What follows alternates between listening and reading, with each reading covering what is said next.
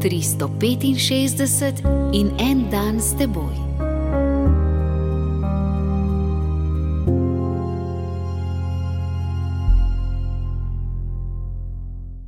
Iz knjige Pregovorov, 13. poglavje, 24. vrstica. Kdor prizanaša šibi, sovraži svojega sina, kdor pa ga ljubi, ga zgodaj vzgaja. V 60. letih prejšnjega stoletja so nekateri ameriški pedagogi v svojih teorijah zagovarjali odpravo vsake sile pri vzgoji otrok. Pozneje so svojo zmoto vsi obžalovali. Ta teorija je povzročila pravo katastrofo med starši, učitelji in vzgojitelji vseh vrst. V resnici so kaj kmalo spoznali, da brez tega, čemu so včasih rekli šiba, otroci nikoli ne postanejo odrasli. Spremeniti pa se ni bilo lahko.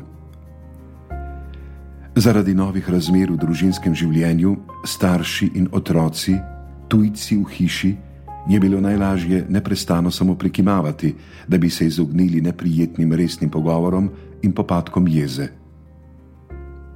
Nujno je, čeprav bo kakšna psihologinja trdila nasprotno, S plehkim govorjenjem pa se ji bo pridružila še kakšna televizijska voditeljica, da se povrnemo k temu, čemu so včasih tudi rekli šiba.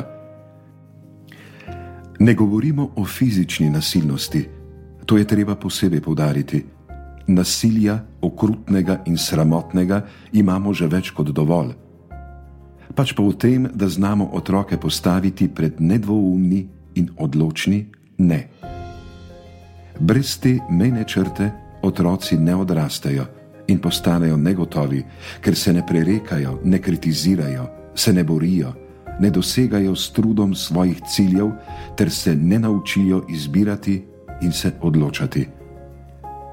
Nujno potrebno pa je naslednje opozorilo: Nikoli ne smemo reči ne, če ta ne nima v sebi in v njem ni mogoče videti kakšnega večjega da.